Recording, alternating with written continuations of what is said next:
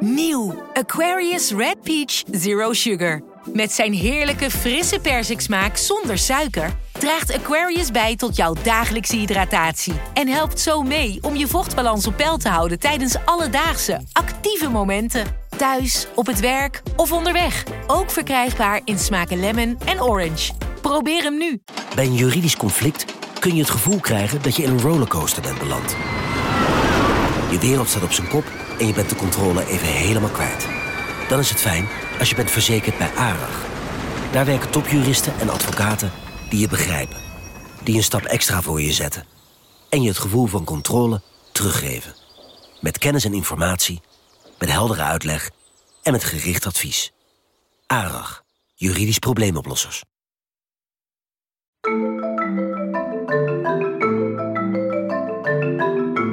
Welkom. Wij zijn Onbehaarde Apen. Dit is een podcast van NRC over wetenschap. Ramon nog eens met het Ja, dit is een leuk ding. gezellig. Ho, ho, ho. Ik ben de kerstman, ja. Ja, de trouwe luisteraar heeft het al gehoord aan de begintune. Dit is een eh, bijzondere aflevering van Onbehaarde Apen. Normaal gesproken duiken we één onderwerp in en dat pakken we dan helemaal uit als een kerstcadeau. En dan houden we het aan alle kanten, kijken we ernaar en dan, eh, dan weten we aan het einde alles. Deze keer gaan we met alle wetenschapsredacteuren van NRC terugkijken op 2018. En dan weten we aan het einde van een, heel veel dingen, een klein beetje. Maar wat voor metafoor gebruik je dan? Want je hebt net al het kerstcadeau. Dit zijn heel veel. Een arreslee vol kerstcadeaus brengen we Dit nu. is, dit, is een, eh, dit is een rijk banket met eh, de hele eh, eh, kersttafel staat vol met eh lekkernijen. En, en. Jullie zullen misselijk worden na afloop. en we mogen aan alles heel eventjes proeven. Eh, dus wat we gaan doen is dat er, eh, de, alle redacteuren van NRC, die, die, die zijn, alle wetenschapsredacteuren, die zijn er om een bijzonder of belangrijk of ontroerend fragment mee te nemen van het afgelopen jaar. En eh, daar gaan we het over hebben. Het wordt dus een bonte aflevering. Het wordt ook een gezellige aflevering. Er zijn eh, kerstkrantjes. Ehm, er, er is nog een verrassing voor op het eind. En eh, ik zit nu aan tafel met Gemma. Net mijn kerstkransje op. Mijn eerste van vandaag. Ik hoop dat er nog wat overblijven. Er zijn er genoeg, heb ik gezien. En Hendrik. Ja, ik ben al aan mijn tweede kerstkransje eh, bezig. En eh, Sander zit hier ook nu aan Ik heb tafel. er al drie op.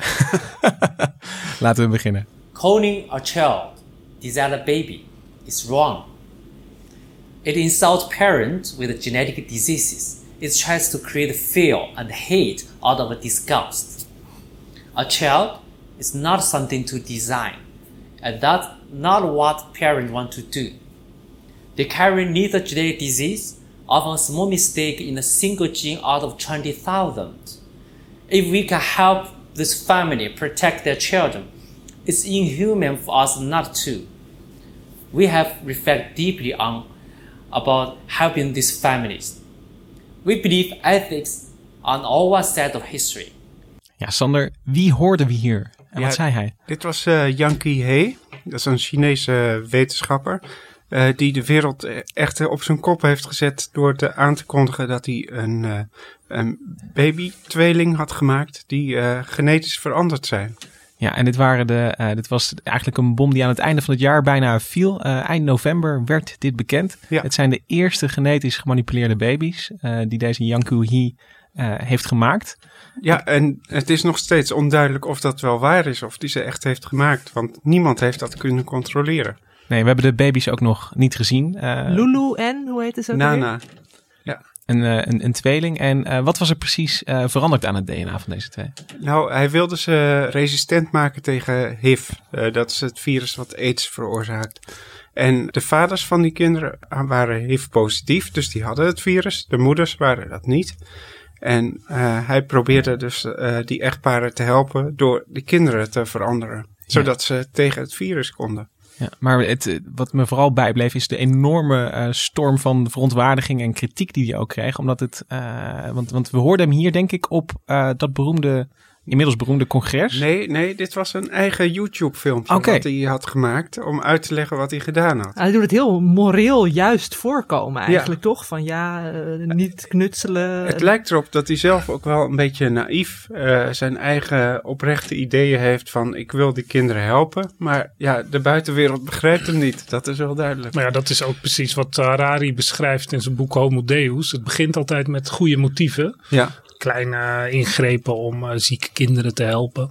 Nou, je ziet het, zo begint het. Ja. Want, want wat me opviel in dit fragment zegt, eh hey, het zou onmenselijk zijn om deze mensen niet te helpen. Dus Ja. hij, hij draait het eigenlijk om. Nou ja. dat is een beetje raar eigenlijk, want je kunt best voorkomen dat die kinderen überhaupt besmet worden met HIV. Dus eh, ja, Er zijn deze- andere methodes Ja, voor, toch? ja, Met precies. bepaalde Ja. medicijnen en zo. Ja, En Sander, je, je hebt al veel eh, geschreven over de, de gentechniek waarmee deze verandering is eh, eh, gebeurd. Met, over CRISPR-Cas. Ja. En ineens was er dit nieuws dat, er, dat het al op mensen is toegepast. Wa- Was jij ook eh, ontzettend verrast? ja, ja, natuurlijk. Net als iedereen. Want eigenlijk hadden internationaal de wetenschappers die hiermee bezig zijn afgesproken van we gaan dit niet zomaar in één keer eh, op mensen testen. En zeker niet bij baby's. Dus eh, eh, als eerste wilden ze dan eh, genetische ziektes in volwassenen eh, gaan repareren hiermee. En als dat goed gaat en als er dierproeven goed gaan, dan kunnen we nog eens verder kijken. Ja, dus het, het veld bewoog zich eigenlijk heel erg langzaam totdat dit ineens gebeurde. Ja. En was het nou broddelwerk? Ik bedoel, eh, hè, was dit echt een soort haastklus eventjes om maar de eerste te zijn? Nou, hij, hij heeft het dus nog niet gepubliceerd. Maar hij heeft in, op dat congres in Hongkong heeft hij heel snel eh, zijn verhaal gedaan. En in recordtempo van 20 minuten 59 dia's erdoor gejaagd. Dus niemand kon, Niemand kon het volgen. Nee. Maar achteraf is dat allemaal geanalyseerd. En toen zeiden de wetenschappers, ja, eigenlijk heeft hij toch eh, de verkeerde veranderingen aangebracht. En is ook niet helemaal duidelijk of het niet elders ook effect heeft op het DNA. Ja, en dat die baby's dus heel erg ziek gaan worden. Dat zou kunnen. Ja. Ja. En als jij nou terugkijkt, vind vind je dit echt het grootste nieuws van het, eh, van het jaar, van Ja. 2018? Ja, eigenlijk wel. Maar ja, het kan natuurlijk nog steeds zijn dat hij liegt. Ja, dus, Want dat hebben we al eerder gezien natuurlijk. We hebben toen nog eh, die Koreaan gehad, uh, Wo-suk Wang. Die, eh, die zei dat hij mensen had gekloond. En dat bleek achteraf niet waar. Ja, We hebben nog een Italiaanse arts gehad. Ja, die. Antinori. Ja. Ja. Het is wel interessant, want we hebben eerder dit jaar die podcast over CRISPR-Cas. Daarbij ging het ook over de wetenschappelijke methode. Weet je, hier komt ook weer het onderzoek doen en het communiceren over onderzoek en het al dan niet de waarheid spreken, is nog een extra laag bovenop het puur wetenschappelijke feit of fictie van. Eh, je kunt wel stellen dat we in, in 2018 zijn we dus eigenlijk eh, geëindigd met een eh, cliffhanger wat betreft eh CRISPR-babies. Ja, en in, zeker. in 2019 krijgen we het eh, vervolg te horen. ja. Dankjewel. Wel. Sander, nou ja, nu, nu gaat de grote rondo beginnen en eh, gaan er steeds andere wetenschapsredacteuren aanschuiven. Hoe heet het ook alweer bij tafeltennis? Dat je Rond de tafel gaan we. Rond de tafel. We hebben een dagelijkse transport van hier vandaan naar, eh, naar Schiphol. En dan gaan ze vliegtuigen in. En eh, ja, dan staan ze binnen een eh, x aantal uren staan ze in Zuid-Europa of eh, tot in Japan. En gaan ze gewoon het bagageruim in. Nee, ze hebben, een, ja, de meeste vliegvelden hebben een speciale afdeling voor levende haven. En dan hebben ze speciale. We hebben hier een dierenhotel, zoals ze dat noemen, op, op Schiphol. Deze mensen hebben soms geen idee van dat ze boven op een paar pallets met hommels zitten. Als ze op weg zijn naar, ik noem maar wat, Zuid-Spanje of zo. dat vliegt allemaal mee. Ja, Gemma. De meeste mensen eh, die in een vliegtuig zitten, die hebben niet door dat ze soms bovenop een lading hommels zitten. Ja, je denkt, hommels kunnen wel zelf vliegen, maar ze gaan toch mee het vliegtuig in. Ja, wat ik eigenlijk voor mij een. Was misschien niet de ontdekking, maar wel een soort inzicht van 2018. We hebben het wel herhaaldelijk over exoten gehad. Hè? Eh, we hebben een hele aflevering gehad over wanneer is iets nou een exoot. eh, als hij na, wat was het, 1492 of zo. Ja, 1492 Ja, wordt vaak het als het jaar Columbus, maar- genoemd. Dat, dat, voor dat jaar moest je binnen zijn. En als je na dat Ja. jaar bent binnengekomen, ben je nog steeds een vreemdeling. Ja, en wij hebben eigenlijk gehad over allemaal exoten in Nederland, de Japanse duizendknoop. Maar het leuke aan dit bericht vond ik eigenlijk, of het interessante vooral aan dit bericht, is Want wat, eh, vertel nog even, wat was dat bericht? Hommelexport vanuit Nederland naar Argentinië en Chili zorgt daarvoor een enorm hommeldrama. Want nou ja, bij hommels denk je toch al gauw aan die pluizige, zachte, bollige insecten. Maar onze lieve aardhommel, de Bombus terrestris, die zorgt daar, die steelt eigenlijk de nectar van een plaatselijke Zuid-Amerikaanse hommelsoort, de Bombus dalbomii. Want die Bombus dalbomii die heeft een hele lange tong. En dat is, die kan alleen bij hele speciale bloemen, die ook een, een diepe kelk hebben, kan hij zijn nectar halen. En onze aardhommel is een nectardief. Die knaagt stiekem onderaan die bloem, knaagt hij een gaatje, zodat hij met zijn korte tongetje kan hij net dat nectar eruit halen. En dan komt die arme Bombus Dalbomi daaraan met zijn lange tong. En dan is die bloem al leeg. Alles is al op. Maar nu Ja. klinkt het toch een beetje alsof die hommel eh, morele fout begaat. Terwijl Nou hij ja, doet alleen maar waar hij voor eh, wij- geboren is natuurlijk. Wij als Nederland, er ehm, is, dit is, wat we hoorden was een fragment uit een ehm, reportage van Argos, Corlijn Groot, die is, ehm, heeft er, is er helemaal ingedoken. in De grote Nederlandse hommel-export. Dus eigenlijk, wij zorgen voor invasieve exoten in Zuid-Amerika. Wat moet je met de Nederlandse hommel in eh, Argentinië?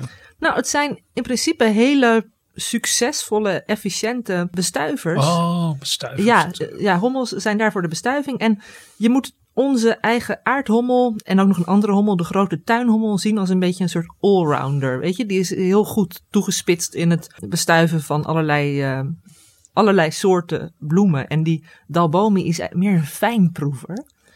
Dus als je, de, dus als je een papaya plantage hebt, ik noem maar wat, dan, eh, dan zeg je van, eh, nou, dat, dat zie ik wel zitten, een, een kistje hommels. Dan, dan, Dan, heb ik wat meer papaya's volgend Ja, jaar. nou, ik weet het in ieder geval van de frambozen. Die, die eh, worden nu dan veel bestoven, ook wel door onze Nederlandse hommels. Maar dat is eigenlijk nadelig, want de frambozen die worden er op den duur...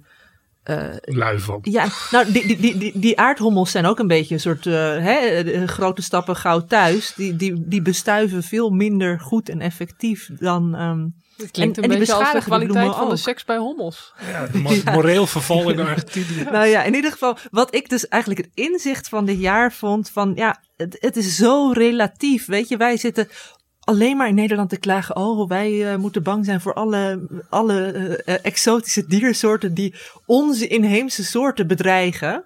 Maar zelf zorgen we met onze pluizige insecten ook wel weer voor drama's op andere plekken. En Wij hebben in dit geval het monster gemaakt. onder andere, ja, het zijn goed, dan zouden de verschillende Vlaamse Euro- hommels daar wel heen gegaan. nou, er zijn verschillende Europese bedrijven, dus het is niet alleen maar Nederland. Maar Ik heb nu ook wel het idee dat er dan kistjes met hommels heen gaan en dat er kistjes met frambozen terugkomen. Ja, of, is dat of lijkkistjes met dode inheemse hommels.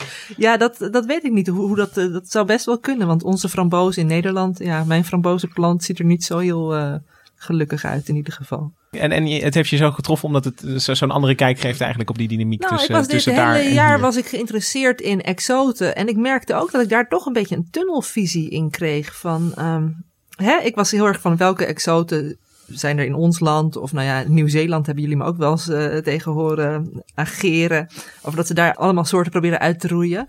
Maar hoe wij weer bijdragen, hoe wij passen in dit wereldwijde plaatje, dat vond ik wel interessant hieraan. Het is de grote globalisering van de natuur misschien waar we een beetje naar kijken. En die hommel, ik bedoel, de hele tijd is dat toch een beetje. De hommel eh, is natuurlijk ook kwetsbaar. We hebben het ook gehad over de insectensterfte. Maar ja, het, eh, hij is ergens ook een beetje misdadiger. Oké, dankjewel Gemma. Toen ik in het café zat met een leuke immigranten, vlak bij de ingang kwamen er twee vrouwen binnen die even rondkeken en toen constateerden: Het zit vol. Het zit vol, herhaalden de immigranten vol ontzag. Zit? Al die leestekens negerend probeerde ik nog uit te leggen dat het een korte versie is van: Het café zit vol mensen. Maar dat maakte de zaak er niet eenvoudiger op. Het café zit toch niet? Het zijn de mensen. Ja, hoi Ellen. zitten. Sander gaat nu weg en Ellen de Bruin is aangeschoven. eh psychologie-redacteur. Eh, wat, nou ja, wie hoorden we hier moet ik eigenlijk vragen? Ja, dit was dus eh, Mark van Oostendorp, helemaal geen psycholoog, eh, maar eh Neerlandicus. Die heb ik geïnterviewd afgelopen jaar en dat was een van de stukken waar ik de meeste reacties op kreeg en vooral ook de meeste leuke reacties. Want mensen vinden het altijd op de een of andere manier heel fijn om over taal te lezen. En hier werd ook een interessante taalkwestie aan de orde gesteld. Namelijk dat zitten hier een beetje in een vreemde context. Eigenlijk, als je er gewoon eens met de blik van de buitenstaander naar kijkt, wordt hier zitten op een rare manier gebruikt. Ja, eigenlijk is dat natuurlijk gewoon een heel raar zinnetje. Het zit vol. Wat zit er dan? Het zit. Ja, dat. eh, Er is niemand, ja, er zijn veel mensen die zitten, maar dat wordt hier niet Nee, en het café zit in ieder geval niet. En daar kun je het eindeloos over hebben, over dat soort dingen. En eh Mark van Oostdorp doet dat ook. Die heeft net een boekje geschreven, U als scheldwoord. Waarin hij allemaal dat soort taalkwesties eh, opwerpt en dan ook een beetje bespreekt. Maar dat interview van mij met hem was naar aanleiding van dat hij voor de derde keer een oratie hield. Hij houdt ongeveer elke tien jaar een oratie, wat ik op zich al een heel grappig gegeven eh, En, vind. en dat betekent dat hij een, een, weer een nieuwe hoogleraarstoel ergens Ja, dan heeft heeft hij weer een bemachtigd. andere eh hoogleraarspost. Dus hij, hij verkast kennelijk Hij ongeveer om de allemaal, tien ja. jaar. Ja, precies. En hij zei ook in dit tempo kan ik er nog twee. En dan gaan die, daarna gaat hij met emeritaat. Kan hij weer een redenvoering houden natuurlijk. Ja, waarschijnlijk wel. Maar ehm, nou ja, ik, ik, werd daar, ik werd naar hem toegestuurd eigenlijk met de vraag van... eh, eh, schrijf maar eens een alomvattend stuk over het Nederlands... en wat het Nederlands nou eigenlijk is. Simpele opdracht. En, ja, precies. En het grappige van eh, eh, Mark van Oostendorp is dan ook... die hoort zo'n vraag aan en dan is hij even stil... dan gaat hij even een beetje zitten kijken... en daarna komen dus allemaal van dat soort weetjes... van En observaties en eigenlijk. observaties. Ja, want ik zit nu te, den- te denken, er zit iets in mijn thee, maar er, zit, er drijft hooguit iets in mijn thee. Ja, en dat hele R, dat is dus ook een ding. Dat heeft eh, volgens mij alleen het Nederlands. R drijft iets. Wat is dat R dan? Wat doet dat in die zin? Is Nou, dat het een korreltje Is dat- van mijn eh musket kerstkrantje in dit geval. Ja, maar- maar dat korreltje drijft dus, maar niet R. Wat doet dat woordje R daarvoor dat drijft? En, Dat- en, en ik bedoel, deze fascin- fascinatie voor woorden en, en gekke betekenissen, die, ik denk dat heel veel mensen dat inderdaad herkennen. Maar eh, brengt dat eh, de Neerlandicus nog ergens als hij dat, dat soort vragen eh, stelt in het café? Of, of, of blijft het in een, in een soort beschrijvende ja, sfeer? In dat, in, in dat boekje beschrijft hij het vooral. En dan komt hij, dat riep bij mij heel veel vragen op van, oh, hoe zit het dan daarmee? Wat kun je dan nog verder onderzoeken? Maar een van de redenen waarom ik het hier opbreng is ook, eh, Nederlands was mijn slechtste schoolvak. Ik vond het eigenlijk heel vervelend. En een van de dingen die Mark van Oostendorp in dat interview ook deed, was oproepen om het schoolvak Nederlands te veranderen. En hij zei, doe al die dingen van leesvaardigheid en zo, van tekst verklaren, wat ik echt vreselijk vond vroeger. Eh, doe dat nou maar bij biologie en geschiedenis, waar het er echt toe doet wat je leest en dat je dat echt goed moet begrijpen. En dan kun je bij Nederlands ook veel meer praten over taal en over wat talen zijn en over wat er in taal gebeurt. En al die interessante leuke weetjes, die ik vroeger op school ook heel erg miste, die Ja. kun je dan wel bespreken. Ja, Nederlands op school gaat eh, misschien te veel over het eh, determineren van een, van een zin, zeg maar. Van, van dit woordje is dat. En, en te weinig over wat taal nou echt leuk maakt, misschien. Ja, dat was, ik ik zat eh, het afgelopen jaar weer in de herkansing van het eindexamen VWO met een tekst. Met een eigen tekst die ik dus voor NRC had geschreven. Daar worden dan vragen over Oh, ik, gesteld. ik dacht al, jij zat in het herexamen nog VWO. elk jaar Sorry, ja. liefde voor Nederlands eh, als schoolvak Ik te probeer nog steeds ja. dat eindexamen te halen, net als in mijn dromen. Eh, maar ik kan dus die, die vragen over mijn eigen tekst eigenlijk niet beantwoorden. Die heb ik dan niet goed. Ja, Ja, dus- dat, dus- is wel, dat is wel heel gek. Dat is echt heel vreemd. Dus eh, en ik denk ook, ook toen ik op de middelbare school zat, toen op een gegeven moment ontdekte ik dat mijn lerares het boek Opperlands van Battes las. Oh, dat is zo'n- leuk. Ja, dat is een geweldig boek met allemaal Vertel even voor de mensen die het niet hebben, zoals nou, ik. het- Ja, dat gaat over allerlei hele rare taalverschijnselen. Zoals bijvoorbeeld basaltwoorden. Dat zijn woorden waar een innerlijke tegenstelling in zit. Dus er zit bas en alt in. Nou, volledig, volledig. Eh eh Een van de onderop. meest- Eh, Een van de soort- meest speelse boeken over de Nederlandse taal eh, die er bestaat. Ja, dat is fantastisch. En dan dacht ik, had ze dat nou maar in de klas besproken? In plaats van dat ze dat... eh, dat- Stiekem zelf Ja, lezen. dat ze het stiekem zelf zat te lezen. Mijn, mijn juf heeft het me toen aangeraden. Dus, oh, wat ja. geweldig. Ja. Maar niet besproken in de klas. Nee, we hoefden het niet te ontleden. Of, eh, Nee, en daar zit Maar dan... ik denk wel dat het, het, het contrast is zo groot tussen. eh, eh, kijk, mensen die eh, stukken in de krant lezen, die vinden Nederlands kennelijk interessant en leuk. En eh, Nederlands als schoolvak is dus niet zo leuk. Daar zit een soort van. Ja, de contrast in wat eigenlijk zonde is, volgens mij. Een gemiste kans dus. En dus, eh, eh, nou ja, werk voor Mark van Oostendorp en de andere Nederlanders hier om, om het Nederlands op die manier een beetje opnieuw in te richten Om misschien. het nog meer te promoten. Ja, Daar zit wat in. Dankjewel.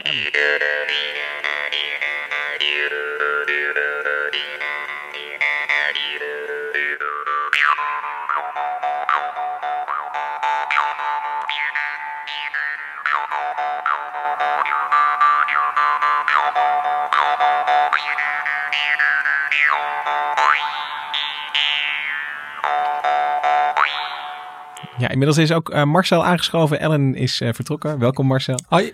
Maar wat we hier hoorden was, een, eh, was iets wat ik heb meegenomen. Dit was een... eh, ken- kennen jullie dit ins- instrument? Een soort mondharp, of niet? Ja, dit is eh, de mondharp. Deed jij dit? Nee, nee, nee. Oh. Dat was Oh, maar ik wel. Heel moeilijk instrument. Nee, nee, nee. Nee, maar waarom ik het, dit mijn, ja, dit, dit, dit eh, kleurde 2018 voor mij. Omdat ik in eh, de- deze zomer was ik in eh, Frankrijk, eh, in een grot. En eh, toen zei onze gids, die deed het, eh, die deed het licht uit. En toen begon hij op zijn eigen mondharp te spelen. En dan eh, niet precies dit fragment, maar ongeveer ja, gelijkaardig. En ehm, we waren in een grot met grottekeningen.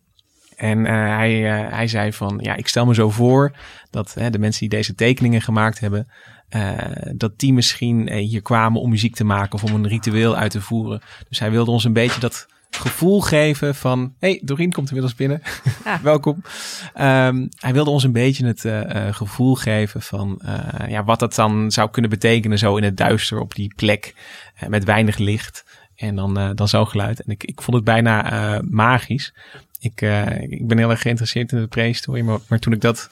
ehm, dat, dat is altijd een beetje... Ja, het, het is je soms moeilijk te voor, voor te stellen... om wat voor tijdschaal het gaat. Of, of, eh, Duizenden jaren, duizenden jaren. ja, en, en maar als je dan ineens daar staat, op die plek, en, en je hoort zoiets, dan, dan wordt het allemaal wel heel erg echt. En eh, nou ja, ik, ik was heel erg eh, blij om dat een keertje mee te maken. En inderdaad, wat je zegt, die duizenden jaren die op elkaar volgen, dat is zoiets onvoorstelbaars. Ik, En, en, en die, die, die tekeningen zijn voor een deel hetzelfde. Ja. Blijven 5000 jaar hetzelfde genre. ja. Wat, maar hebben ze het van elkaar overgenomen? Gingen ze naar elkaar kijken? En, en dat ze dat, nou ja, dat die cultuur dus duizenden jaren in ieder geval dat element had, dat kunnen we ons nou niet meer voorstellen. Want eh, al gaan we maar, maar duizend jaar geleden terug, dan, dan zitten, we, eh, zitten we in de middeleeuwen. En, en ja, dat voelt, voelt ons toch een grote afstand tot die mensen die toen leefden. Die hadden hele andere denkbeelden.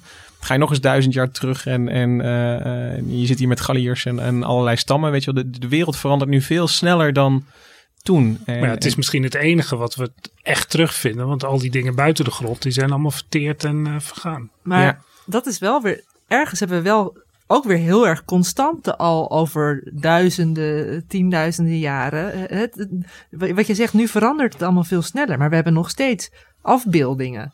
We gaan niet meer met z'n allen de grot in, omdat zo ja, te klopt. tekenen. Dus, dus je, je, Nee, een museum ook eh, soms slecht verlicht. Maar je, maar je wijst op het, het, het, het is nog steeds een, een heel menselijk, eh, menselijke tekening, v- gemaakt door mensen. Wat ja, je dat ziet. vind ik ook juist het mooie eraan. Dat lijkt me zo fascinerend. Dat je dan denkt van ja, ergens eh, brengt het ook juist, nou ja, wat je ook wel omschrijft in het fragment, maar gewoon die, die saamhorigheid of die... Ja, Het wordt ook als enorm eh, contact met het verleden. Als je oog in Ja. oog met die tekeningen staat. Ja, en dat Ja. je dan hand in hand haast. Ja, dat je... Alleen die mondharp, ik zit me af te vragen of je van eh, in het stenen tijdperk een mondharp kon maken. Zo, denk het niet. Alleen van metaal, denk ik. Dus Ja, je, je, je- het is, het is toch maximaal eh, 6000 jaar. het, het, het klinkt heel erg eh, oer en, en oud, maar het is een, een vrij modern eh, instrument, in ieder geval modern. Je moet, je moet echt wel verschillende materialen gebruiken om dat te maken. En nou ja, de- ik, ik zou de luisteraars die geïnteresseerd zijn in de oorsprong van muziek, onze muziekaflevering Oh ja, nog met, van harte aanraden. Die begint met, met ja, zwanen, botten, fluiten en, en dat soort dingen. Maar nou ja, dit was de, deze grottekening. Ik had een hele tour gemaakt door Frankrijk. Dus dat was eh, voor mij. En je was hebt er een stuk over Ik heb ook een toch? stuk over geschreven. Ja, ik Had, dat was zo fijn. Ik had ook het idee dat ik even in Frankrijk op vakantie was toen ik jouw stuk las. We gaan eh, trouwens in de, in de show notes gaan we alle stukken denk ik eh, verzamelen die, eh, die hier besproken worden. Want de meeste eh, fascinaties van de mensen die hier aan tafel zitten, die zijn ook op een of andere manier eh, in een stuk terechtgekomen. Dus dat is voor de mensen die geïnteresseerd zijn en nieuwsgierig zijn geworden, is dat misschien nog leuk voor straks.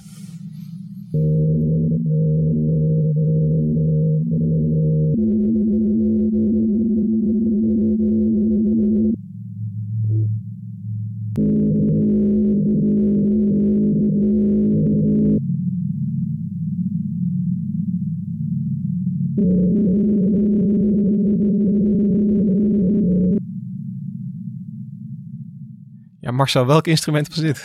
Dat was niet in een grot. Het was een eh, dronken hommel. Precies. Op weg naar eh, Zuid-Amerika. Ik wil terug. Oorlogstoon, ja. Nee, wat was dit? Zingend Antarctisch ijs. Oké. Daar hebben we niet over geschreven, maar is wel onlangs iets over gepubliceerd. Ehm, bij toeval hebben eh, onderzoekers ontdekt dat ze seismische apparatuur kunnen inzetten om het smelten van eh, Antarctisch ijs eh, te meten. Oh, dus echt een serieus onderzoek om, om, om extra informatie over het smelten te krijgen. Ja, in eerste instantie was het bedoeld om trillingen, informatie over veranderende trillingen te verzamelen. En bij toeval heeft iemand gedacht van misschien kan ik dat wel in geluid omzetten. En aan, de- aan de veranderingen van het geluid kon hij ehm, iets over het smelten van het ijs eh, afleiden. Want hoe neem je dat op? Waar bevindt die microfoon zich dan? In een gletsjerspleet of boren ze een gat? Eh, in het ijs Dus, eh, dus er zit Of eigenlijk... in de sneeuw, in de sneeuw, want het ging vooral om de sneeuwlaag. Ik bedoel, die, en die kan eh, variabel van waar je bent, kan die meters eh, dik zijn. En het, het, het sneeuw dat wordt compacter eh, naarmate je eh, dieper gaat. En de, de vraag die ze zich stelden is, ehm, hoe verandert het, het sneeuw over de tijd? Maar, dit, is, het is een geconstrueerd geluid dit. Dit is niet wat je Niet hoort live, zoals... nee. Nee. Niet wat je, als je op een enorme ijsvlakte staat, dan hoor je ook dat, dat geluid en zo. Maar dat, dat is dit Het niet. is dus ehm, afhankelijk van de wind. Die waait over eh, de sneeuw. En dan stel ik me voor, heeft dat effect op. Want er zijn ook sneeuwduinen, die verplaatsen zich. Ehm, de wind heeft dan effect op. Ja, eh, dus- die zet, die zet de, de sneeuwlaag in trilling. En afhankelijk van het trillingspatroon. En de veranderingen de daarin. veranderingen de daarin. Ja, ik vind het een, een heel eh, mooi principe en mooi geluid. Maar het, het, het, eh, wat het meet is natuurlijk eigenlijk best treurig. Het, Het is een som, ja, dit- was inderdaad ook een aanleiding voor waar ik dan naartoe wil. Ehm, wat voor mij het meest ingrijpende was dit jaar, eh, en dat is toch de realisatie dat eh, de zeespiegelstijging veel sneller zou kunnen gaan eh, dan we tot voor kort dachten. Ja, jij bent eh, klimaatredacteur onder andere. En, Ja. en eh, er zijn dit jaar zijn er verschillende di- dikke rapporten uitgekomen. Precies. En nou ja, al met al, al- alles bij elkaar schetsen die niet een heel rooskleurig beeld voor de komende tientallen jaren. Voor de komende honderden jaren, zou ik maar zeggen, want de zeespiegelstijging Ja. ook al weten wij de opwarming van de aarde te beperken tot, laten we zeggen, 2 graden. Dan gaat die, de smelt van de, van de ijskappen op Groenland en Antarctica zal zich toch nog een tijdje voortzetten. Ja. En dat kan eh, ja, meters aan zeespiegelstijging geven de komende eeuwen. Ja, En hoe je daarmee om moet gaan, vooral dat. Je ziet het aan de gele hesjes, hè, eh, een, een lichte extra benzineaccijns. Je ziet het aan de klimaattop in Katowice onlangs.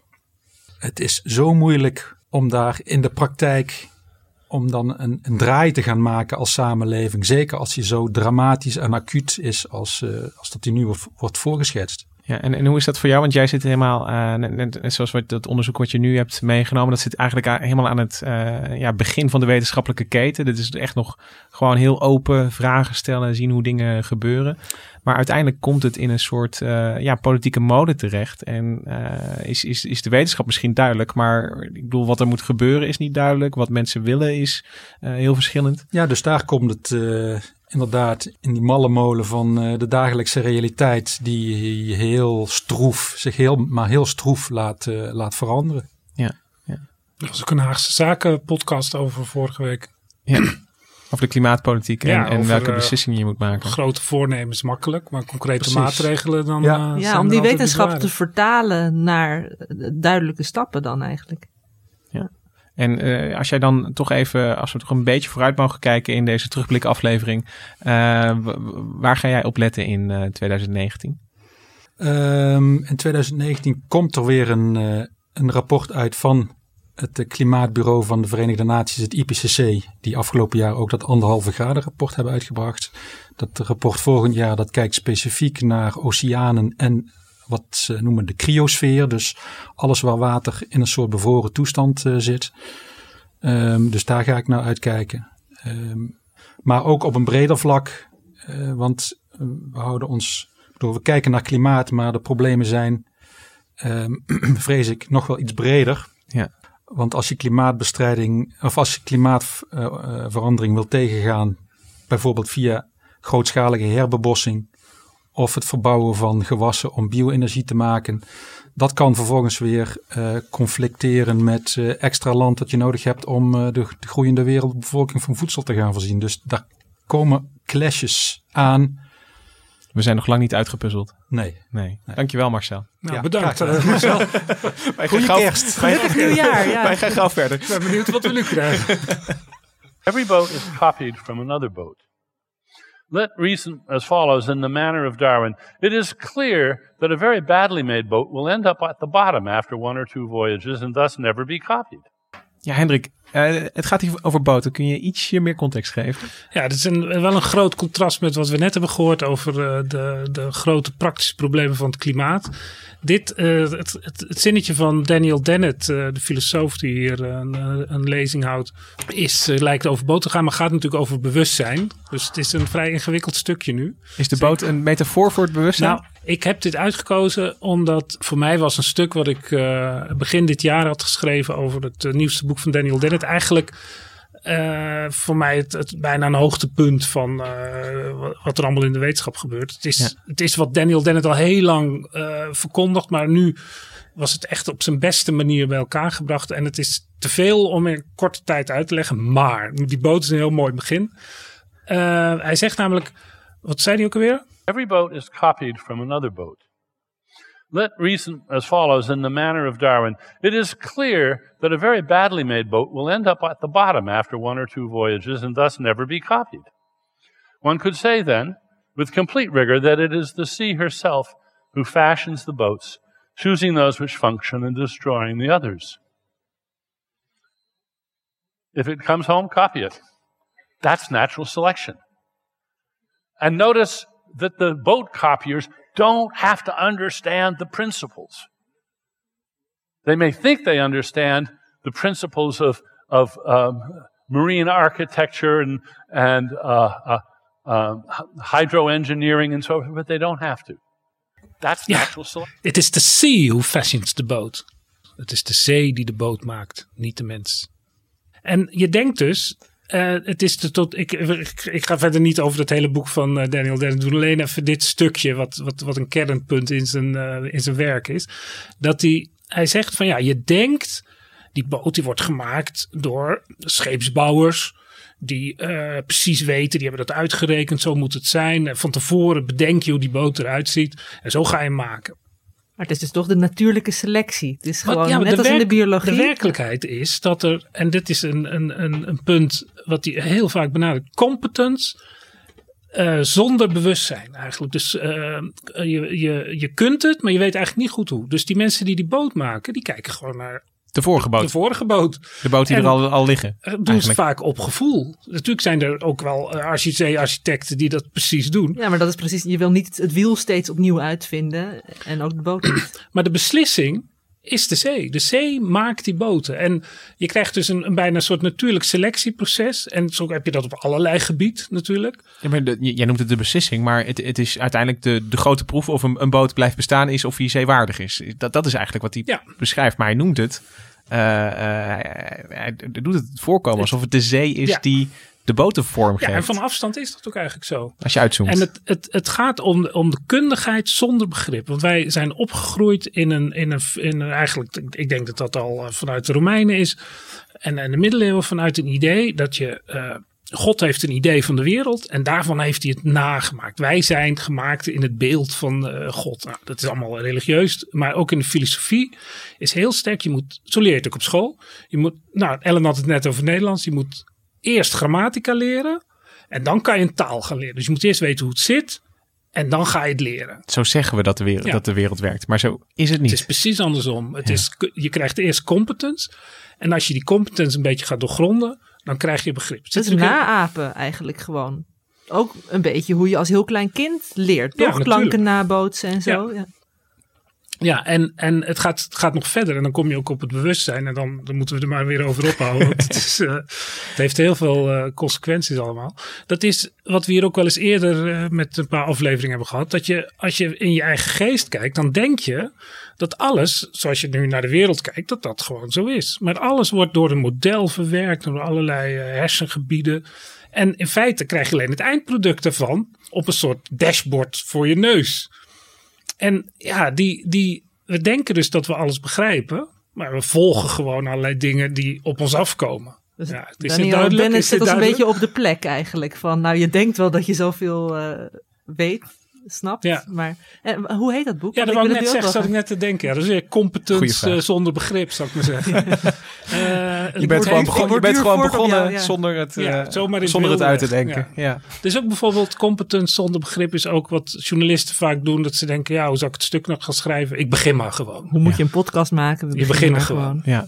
Niet van alles plannen. Maar het boek heet Van bacterie tot Bach. Oké, mooi. Dankjewel, Hendrik. Eh, even voor de, voor de luisteraars. Marcel is weer weg. Doreen is binnengekomen. Eh, Anne zit ook alweer eh in de De stijgers krantjes klaar. zijn al bijna op, geloof ik. Ja, heeft iedereen een Anne, mag ik er nog één?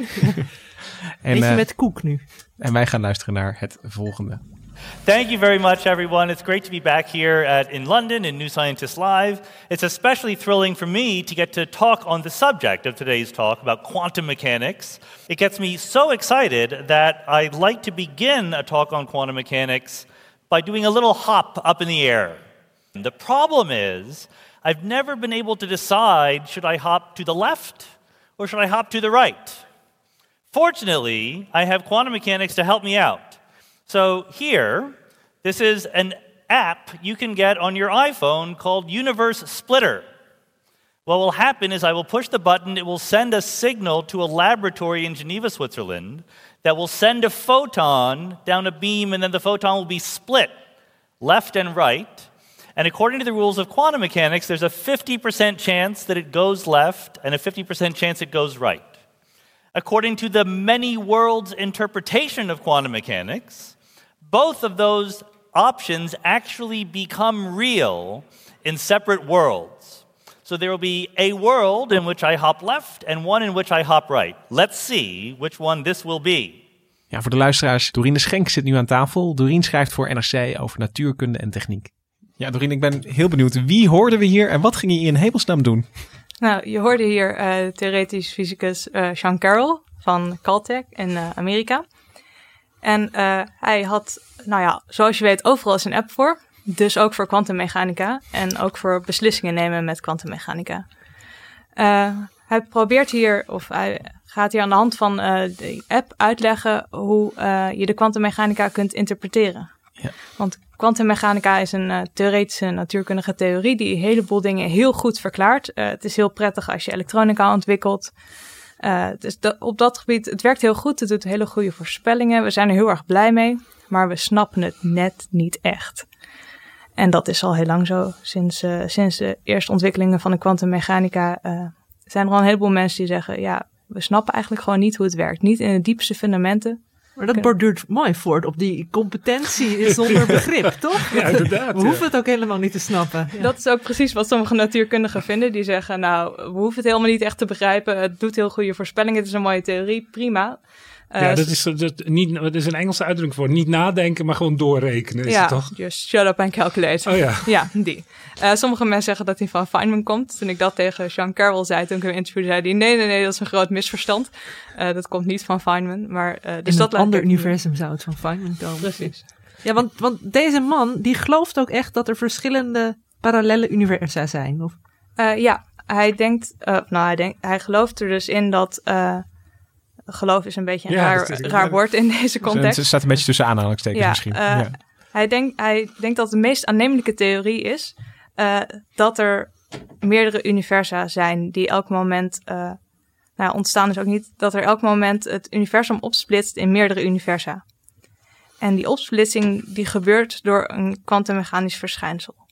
En dat kwantummechanische verschijnselen heeft ermee te maken dat hele kleine deeltjes, elementaire deeltjes zoals elektronen, die hebben een soort, uh, hebben een heel raar gedrag, kwantumgedrag, dat ze zijn niet op één duidelijke plek. Ze zijn eigenlijk op een soort van meerdere plekken tegelijkertijd. En dat kun je goed beschrijven met een soort kansverdeling. Dan zeg je nou, de kans dat een elektron hier is, is uh, 50%, maar er is ook 10% dat hij iets meer die kant op zit, of 10% dat hij iets meer die kant op zit. Ja, dat is iets wat we in het dagelijks leven niet, want ik zet nu net een bekertje water voor je neer, maar dat staat daar gewoon. Dus die niet staat vrij duidelijk op één kans, plek. Ja, dat het ergens anders staat. Ja, het staat links van je, ja. Precies. Maar bij een elektron zou je zeggen, nou, hij staat ongeveer hier. De, de grootste kans is dat het elektron hier is, maar hij kan ook uh, inmiddels van de tafel gevallen dus dan zijn. zou die om je heen draaien, zeg maar. Zoiets. Nou ja, niet eens draaien. Hij is Nee. gewoon echt op meerdere Nee. plekken tegelijkertijd. Ehm, En, en, en als je dat helemaal doorvoert, dat principe, als je zegt van nee, het is niet eh, die, hè, die kans dat hij daar is, maar hij is of daar of daar, dan zegt Carol, er zijn twee universa waarin dat allebei waar is. Ja, hij zegt dus er zijn. Stel dat je ehm, een elektron heeft nog een eigenschap. Hij kan eh, spin-up en spin-down hebben, zeg maar eh, naar boven, eh, rechtsom draaien of linksom draaien, zo zou je het kunnen zeggen. En eh, zolang je er niet naar kijkt, is er een bepaalde kans dat hij om de ene kant op draait en een bepaalde kant dat hij de andere kant op draait. En hij zegt dat zijn eigenlijk twee, twee werelden. In de ene wereld draait de ene kant op, de andere wereld de andere kant op. Je moet het eigenlijk zien dat, dat wat wij als één wereld zien, voortdurend een vermenging is van allerlei andere werelden. Ja, maar het is ook het gedachte-experiment van Schrödinger, toch? Over de kat die tegelijkertijd levend en dood is, zolang je niet hebt gekeken. Precies, dat is ja, exact dat is, hetzelfde. Dat is eigenlijk wat ik bedoeld om het belachelijk te maken. Ja. Maar er zit blijkbaar volgens deze Sean Carroll zit er Ja. wel wat in. Maar, ja, maar er zit dus ook wat in. En het is ook bedoeld om belachelijk te maken. Maar kennelijk is de wereld een beetje belachelijk. Ja, maar John Carroll wil het niet belachelijk maken. Laten we dat even... Dat... Nee, hij wil het niet belachelijk maken. Hij wil gewoon laten zien dat de wereld misschien inderdaad gek is. Maar die app nog even, gebruikt hij die echt dan om, om keuzes te maken? Ik zou het best handig vinden als ik denk van zal ik vandaag eh, naar links of naar rechts? En dat ik dan... Nou ja, eh, die kun je gebruiken om keuzes te maken. Tijdens het interview eh, heeft hij hem niet gebruikt, maar in dit geval om, om te helpen wel. En eh, dat gaat dus echt om een, een foton, dus echt een kwantumdeeltje. Dus hij heeft echt een kwantumdeeltje dat laten doen. Dus het is niet zo dat elke keer dat jij en ik een keuze maken, dat er twee verschillende universa zijn. Maar het gaat echt om fundamentele kwantummechanische dingen. Dus het radioactieve verval of een elektron.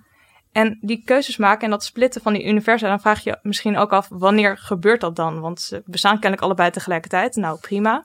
Dat beschrijft het goed.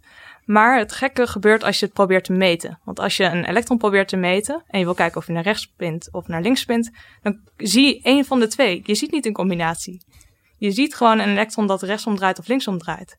En dat is het meetprobleem en dat is het probleem wat hij probeert op te lossen met deze interpretatie. Namelijk, de ene verklaring is, nou, op het moment dat je het meet, verdwijnt die andere mogelijkheid. En Carroll zegt, nou, dat vind ik eigenlijk heel gek. Waarom zou die mogelijkheid verdwijnen? Dat is heel gek. Hij zegt, nee, die mogelijkheid verdwijnt niet. Dat is gewoon een ander universum. Het is de kwantummechanica tot in het meest, eh, in, zijn, in, in, zijn, in zijn bizarste vorm misschien. En, en je komt op een hele leuke plek met heel veel universa terecht als je dat helemaal uh, doortrekt. Ja, dan maak je de mens tot God eigenlijk. Ja. Dankjewel Dorien.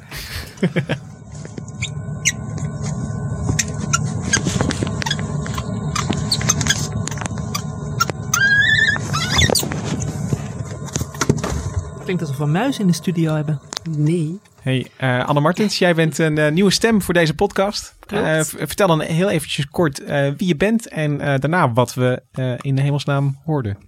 Ja, mijn naam is Anne Martens en ik werk sinds nu anderhalve maand bij NRC. En net hoorde je de stemmen van Zong Zong en Hua Hua. Dat zijn twee gekloonde babyaapjes die in januari oh. gepresenteerd werden aan de wereld.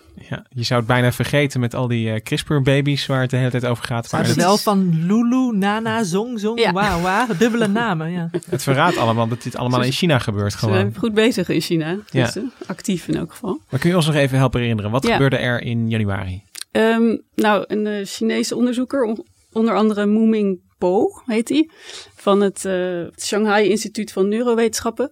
Die had um, deze twee aapjes gekloond. Daarbij heeft hij dus dezelfde techniek gebruikt als het schaap Dolly, wat in 1996 is gekloond. Dus ze hebben de, het, de kern van één aap genomen en de, de cel van een andere, een eicel van een andere aap. En die hebben ze dus bij elkaar gebracht. En nog iets gedaan met uh, RNA en andere spullen. En toen uh, vervolgens die cel een soort van stroompje gegeven. En daardoor dacht de cel, oh, ik ben bevrucht. En is die dus gaan, uh, gaan delen. Ja, je moet het... Ja, je moet... Als je alle, vinger in het stopcontact steekt, denk je dat toch niet? nee, maar voor een cel, die moet natuurlijk ergens het signaaltje beginnen ja. met krijgen van delen maar. Ja, precies. Ja. hij heeft heel veel pogingen gewaagd. En dit is eigenlijk de enige geslaagde poging. Ja. Uh, en dus de eerste keer eigenlijk dan? Nou, met deze techniek wel. Ja, er zijn al wel eerder apen gekloond, maar dat was meer met een soort van splitsing van embryo's. Dus dat is eigenlijk meer het maken van één eigen tweelingen. Ja. En, en dit is echt het. Uh, met deze techniek kun je in principe een volwassen aap nemen en er weer uh, uh, met hetzelfde DNA een babyaapje van nemen. Nou, niet helemaal. Want dat werkte gewoon niet zo goed. Dus hij heeft het wel geprobeerd, heel vaak. Maar die baby's die daaruit kwamen, dus vanuit een volwassen aap, uh, die gingen echt heel snel dood. Echt binnen een paar uur waren die dood. Dus wat wel werkte, dus deze twee aapjes zijn geboren of gemaakt uit een foetus van een andere aap. Okay. Dus daar hebben ze een cel uitgenomen en daar hebben ze dus de celkern van gepakt. En dan werkt het uiteindelijk dus wel. Maar ik vind het wel een mooi contrast met, uh, uh, met de CRISPR-baby's uit het begin. Want en waarom iedereen zich ook zo zorgen maakt over, over CRISPR is omdat het zo makkelijk is en, en dat deze onderzoeker het kon doen. Maar Mhm. als ik hier, met wat ik nog weet van, van Donnie en wat jij nu ook vertelt, is dat dat klonen gewoon ontzettend uh, prutsen en moeilijk is. Ja, dus ja, je kan de, de eerstvolgende gedachte die je hierbij hebt is van, oh, als het dus nu bij apen kan, kan het dan ook bij mensen. Maar als je dan leest dat uh, voor deze geslaagde twee apen had hij 79 embryo's gebruikt, waarvan er um, die dus bij 21 verschillende moeders zijn ingebracht. Ja. En daarvan zijn er volgens mij uh, zes zwangerschappen ontstaan en uiteindelijk dus maar twee aapjes geboren. Dus je kunt je nog niet voorstellen dat ze dat bij mensen gaan doen. Want dat kan je En, en leven ze nog, deze aapjes? Want Nou, het is nu bijna een jaar geleden. Ja, dat vroeg ik me ook af. Eh, ik weet het eigenlijk niet zeker. Ik heb ergens in een interview gelezen dat ze in juni nog wel leefden. Maar even voor de goede orde, dit is iets heel anders dan eh, die CRISPR-Cas manipulatie van het genoom. Hier heb je gewoon dat de, de genen van die aap, die leven helemaal zonder verandering door in de Ja. genen van eh, aap nummer 2. Klopt. Of dat, ja, dat is dan een embryo of zo. Ja, klopt. Ja, Dus het is iets wel heel Ja. anders. Ja, je, je bent hier niet aan het ingrijpen, je, je maakt echt een, een eh, kopie. Ja, Ja, ja. ja. Ja, Maar goed, je zou wel kunnen nadenken. Misschien kan je in dat hele vroege stadium Maar is het ook dan wel een beetje gaan klooien met CRISPR-Cas nog. Hè, maar goed, dat is weer twee extremen En, en, is dan het idee dat dit wel, eh, is, het, is het nog steeds, eh, kijken eens wat we, wat we kunnen met cellen? Of zit hier ook nog wel een, een nuttige toepassing voor onderzoek in bijvoorbeeld? Ja, nuttige toepassing is dan dat je natuurlijk dan heel veel dezelfde exemplaren zou kunnen krijgen. En dan kan je dat gebruiken voor onderzoek naar kanker of Alzheimer of eh, Ja, precies. Dan, dan, heb, je, eh, dan heb je echt het, het perfecte eh, eh, replicatie-experiment. Dat Precies. je twee apen waarvan je weet dat ze genetisch identiek Ja. zijn. En, en eh, Ja. dan behandel je de ene zus en de andere zo. En dan ga je Maar- kijken wat er Een gebeurt. soort multi-tweelingen-experiment. Ja. Ja, maar wat ik nog wel een factor is, is dat elke aap wel in een andere moeder eh soort van volgroeid is. Dus ja, de omstandigheden in elke moederaap tijdens de zwangerschap zijn natuurlijk ook weer anders. Dus ja, ja je weet niet bezig. wat voor invloed dat weer heeft. Waarom, waarom Maar- heeft jou dit zo getroffen eigenlijk? Dit, Nou, ik eh, denk- deze aapjes. denk wel die vraag van, goh, als het dan bij apen kan, kan dat dan ook bij mensen? Ja, en zo is eh, 2018 mooi geboekensteund door, door twee eh, ja, interessante genetische tweelingen. Ja. Of in ieder geval uh, dubbelgeboortes. Dankjewel Anne. Ondertussen is ook eh, Bart de studio ingekomen. Dus eh, laten we snel verder gaan. Oké.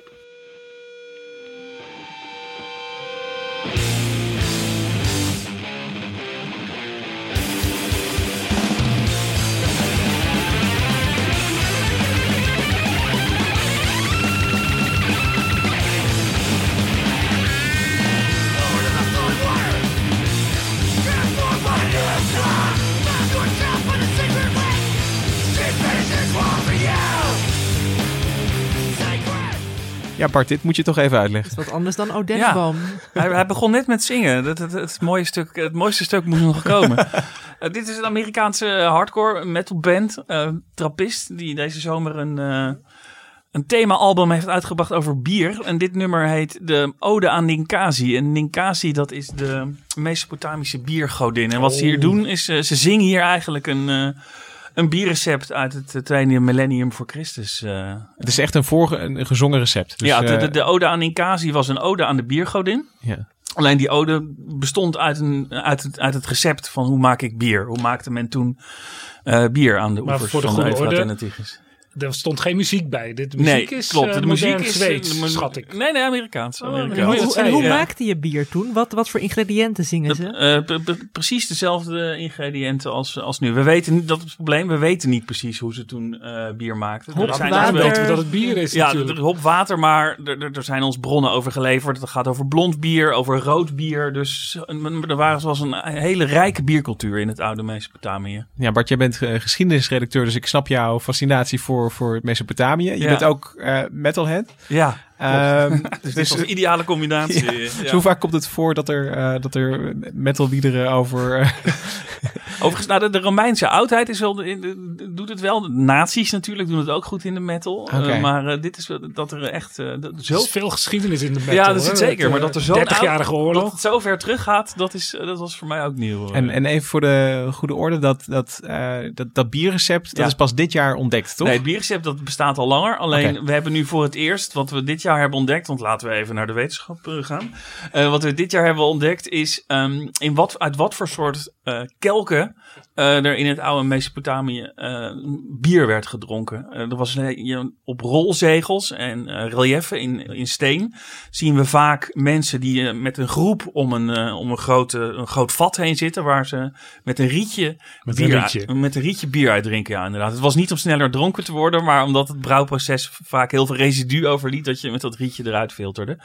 En wat onderzoekers van de Universiteit van Glasgow dit jaar is gelukt, is om uit kelken, met behulp van gaschromatografie, eh, aan te tonen wat voor soort kelken er bier werd gedronken. Want er, daar kwamen ze achter. Er is op een gegeven moment is er een verschuiving in de biercultuur plaatsgevonden van het, eh, van het gezamenlijk drinken met een rietje uit een vat naar ieder zijn eigen glas, ieder zijn eigen kelk. Individualisering van ja, de biercultuur. individualisering van de biercultuur in het oude Mesopotamië. Dan hebben we het over de 14e eeuw voor Christus. Eh, dus daarvoor was er dus al eh, 15 eeuwen lang minstens dat er bier gedronken werd. En dat gebeurde dus vaak met z'n allen uit een, eh, met een rietje uit een vat. En dus deze Schotse onderzoekers zijn er nu dus in geslaagd om een bepaalde kelken, ook heel interessant, kelken die, die niet, die zo rond waren, zo rond waren van de onderkant dat je ze niet neer kon zetten op tafel. Dus die je of vast moest houden of in één teug moest leeg Eh, daarin hebben ze dus eh, bierresten aan, aangetroffen. En had dat met hygiëne te maken? Dat ieder zijn eigen kelk... Ja, da- daar zijn ze, de- had het dus te maken inderdaad met de maatschappij eh, die individualiseerde. Of werd een bepaald, werd een ander soort ritueel belangrijk, namelijk het samen kunnen toosten bijvoorbeeld. Oh ja, dat toen en dat, is, dat het toosten ontstond. En dat daarvoor dus nodig was dat iedereen zijn eigen ehm, eh, eh, kop had om mee aan, elkaar mee aan te kunnen stoten. Ja, dat is, je denkt de, de, wat er allemaal achter zit aan individualisering Ja. of collectivisering. Dat kan je verzinnen, maar het is heel moeilijk dat, te dat, dat is heel moeilijk te achterhalen, omdat de, de, de Mesopotamiërs die hebben ons natuurlijk tien of honderdduizenden ehm, tabletten met eh, spijkerschriften En bierrecepten. Maar ja, dat, dat is weinig eh, complete bierrecepten. En veel van dat spijkerschrift was natuurlijk ook, eh, dat is boekhouding. Eh, en relatief weinig wat je tegenwoordig ego-documenten zou noemen Ja. van ik heb dit gedaan of eh, vandaag gingen we met z'n allen wat drinken. Dus En kun je dan ook zeggen dat bier eh, wel belangrijk was in, in de cultuur? Dat, dat, dat, Zeer belangrijk. Bier was de volksdrank nummer één. En tegelijk ook binnen de rituelen ook heel erg belangrijk. Omdat het een, heel erg een cultuur was die gebaseerd was op, op, op landbouw, op graan. Ja, oh, sorry. En eh, op landbouw en graan ge, ge- Dat is de kerstman. gebaseerd, Ja. ja. gebaseerd De was. En dus bier was, een, was zowel... er is ook een, een, een van die kelken die door die Schotse onderzoekers onderzocht is... is ook aangetroffen in een rituele, in een grafzetting. Eh, dus iemand heeft dus... voor- Iemand kreeg een potje bier mee. Ja, die heeft dus waarschijnlijk zijn, zijn persoonlijke bierkelk meegekregen. Zijn, Want zijn wijn is later, denk ik. Hè? Wijn nee, is, wijn eh, werd toen ook wel oh, gedronken. Alleen het aardige was dus in de, de plek die, zij, die die Schotse onderzoekers eh, dus in kaart hebben gebracht. Er was in geen één van de kelken was, eh, rest- zijn restanten van wijn aangetroffen. Dat was typisch, want dat werd er wel gedronken. Maar bier was echt, echt ook meer een volksdrank.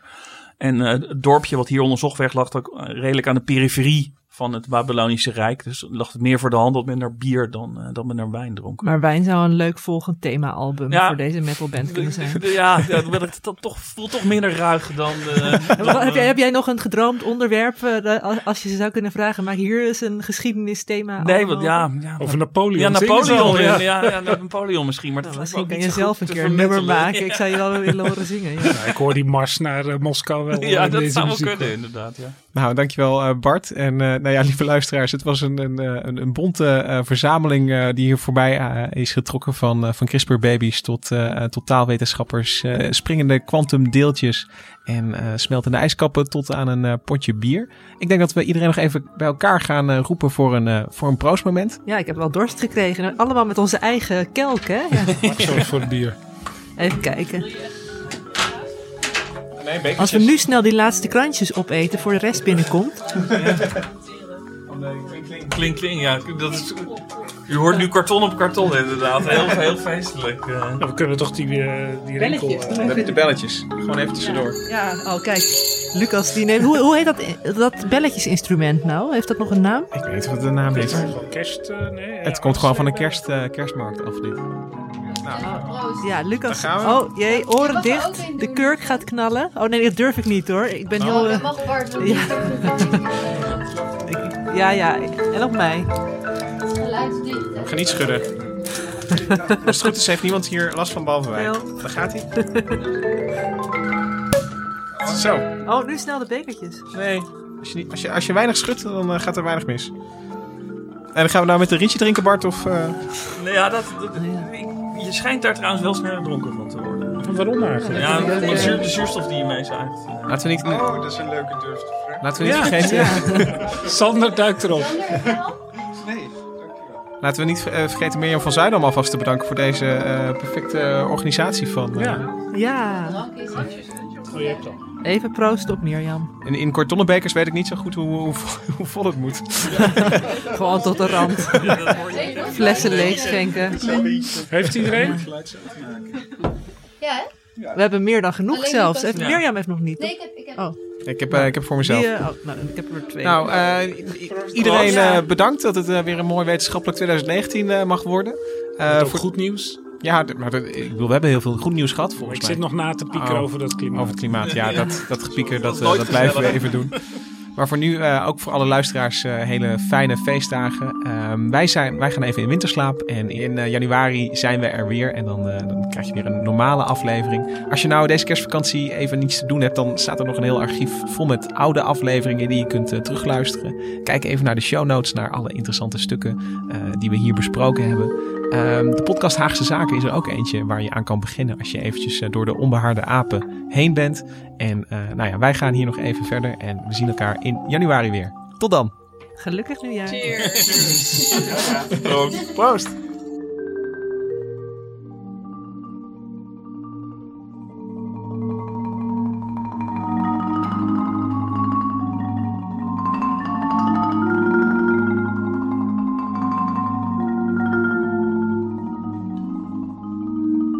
Heb je nu in deze aflevering iets gehoord waarvan je denkt, daar wil ik meer van horen? In sommige gevallen komt dat goed uit, want we hebben bijvoorbeeld een aflevering over exoten gemaakt in seizoen 1, dat was aflevering 7. We hebben ook een aflevering over het klimaat en de zeespiegelstijging. Dat was aflevering 6 in seizoen 2. We hebben een aflevering over het ontstaan van muziek, aflevering 9 van seizoen 2. En we hebben een aflevering over CRISPR-Cas. Dat was eh, aflevering 12 van seizoen 1.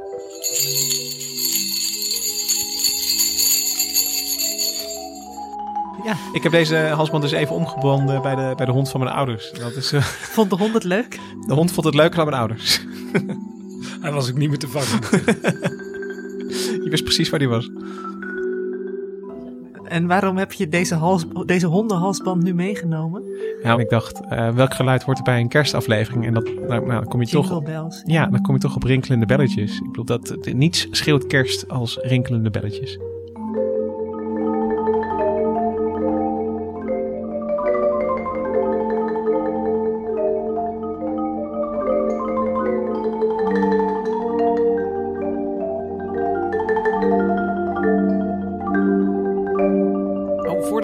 Allemaal aan de kerstborrel gaan, hebben we nog één eh, correctie van vorige week. Het is een, beetje misgegaan met de positronen en neutronen, maar dat kan Doreen beter uitleggen dan ik. Ja, in de podcast van vorige week eh, hadden we het heel kort even over de kernfusie in de zon. En daarbij eh, noemde ik dat uit protonen en neutronen gemaakt moet worden. Dat klopt inderdaad, maar dat doe je niet door een elektron bij een proton te proppen. Dat doe je door twee protonen dicht bij elkaar te stoppen. Dan maak je deuterium. En dat betekent dat er eh beta-verval is. Dus er, komt geen, er wordt geen elektron bijgepropt, maar er komt een positron vrij. Dus een positief elektron komt vrij. En, En, er eh, vliegt ook nog een neutrino uit de zon. Oké, een positron eh, weg, dat betekent hetzelfde voor de lading uiteindelijk, toch? Ja, dus Ja. er vliegt wel positieve lading uit in plaats van dat je er negatieve lading bij propt. Oké, en nou ja, lieve luisteraars, nu weten jullie precies hoe het zit in de zon. Tot volgend jaar.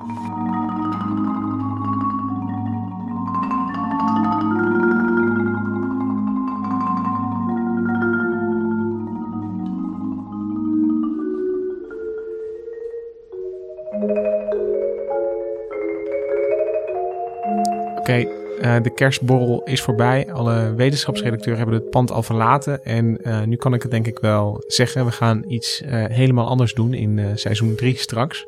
Ehm, we kwamen erachter in de discussie. We, hebben, ja, we zijn bij seizoen 2 zijn we opnieuw begonnen met nummeren vanaf 1. En eh, nou ja, dat, dat is niet echt lekker. Want dan heb je op een gegeven moment heb je de onder- honderdste aflevering. En die heet dan niet de honderdste aflevering. Dat is dan seizoen 3 aflevering 30 bijvoorbeeld. Dus daarom gaan we vanaf seizoen 3 gaan we doornummeren. Seizoen 2 laten we intact, die nummers. Daar gaan we niet aankomen. Maar we tellen ze wel mee voor de nieuwe nummering in seizoen 3. Dus we gaan eh, straks, eh, als je dan een, een aflevering nummer 30 zoveel ziet, dat is niet erg. Je hebt geen afleveringen gemist. Eh, het is gewoon, wij zijn opnieuw begonnen met nummeren op een systeem, op een manier die voor ons ja, fijner voelt. En ook duidelijker is met ja, hoe ver we al zijn gekomen. Dus nou ja, dat staat jullie het nieuwe seizoen te wachten. Lucas, begrijp ik goed dat dan voortaan seizoen nummer 2 het afwijkende nummer heeft? Ja, dus als je in de toekomst terugkijkt op al die seizoenen onbehaarde apen, dan denk je alleen bij seizoen 2 Wat is daar aan de hand? Collectors item wordt dat dan. Ja, dat, eh, maar ik bedoel, de, de mensen die dit horen, die, eh, dat zijn ook wel de, de volhoudende luisteraars. Dus die weten dan precies hoe het zit. Jullie waren erbij bij dat zeldzame seizoen 2. Nou, en dan, eh, dan heb je bragging rights. Dan mag je je echt onbehaarde aap noemen.